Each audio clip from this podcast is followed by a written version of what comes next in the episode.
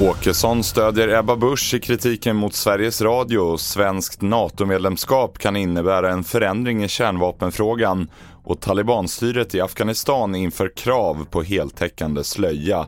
Det är rubrikerna i TV4-nyheterna.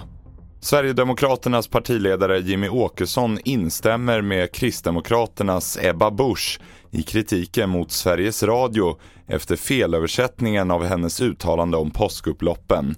Den arabiska redaktionen översatte bland annat islamister till muslimer och Ebba Buschs hot om att bojkotta SRs valintervjuer är enligt Åkesson en rimlig reaktion. Jag har full förståelse för det. Jag tycker det är oerhört allvarligt det som har hänt. För det första förstår jag inte varför Sveriges Radio ska ha redaktioner på dessa invandrarspråk. Alltså vill man bo i Sverige så ska man lära sig svenska.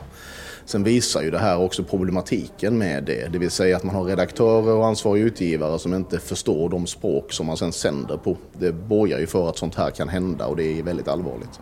Vidare till att ett NATO-medlemskap skulle innebära en förändring i Sveriges hållning i kärnvapenfrågan.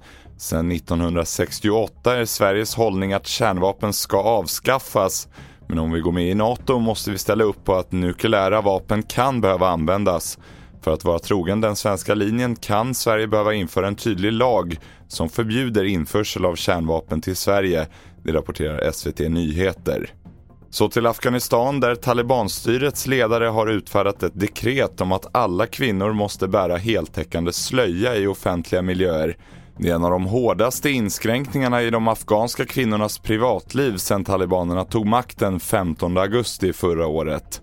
Therese Kristiansson är TV4-nyheternas Mellanöstern-korrespondent. Det är klart att det är det som de flesta förväntade sig men, eh, men som de ju ändå lovade att de skulle eh, på något vis respektera Eh, kvinnors rättigheter. Skulle man fråga dem så skulle de säkert mena att det här är enligt Koranen, precis som de har sagt att de inte på något vis sviker några löften.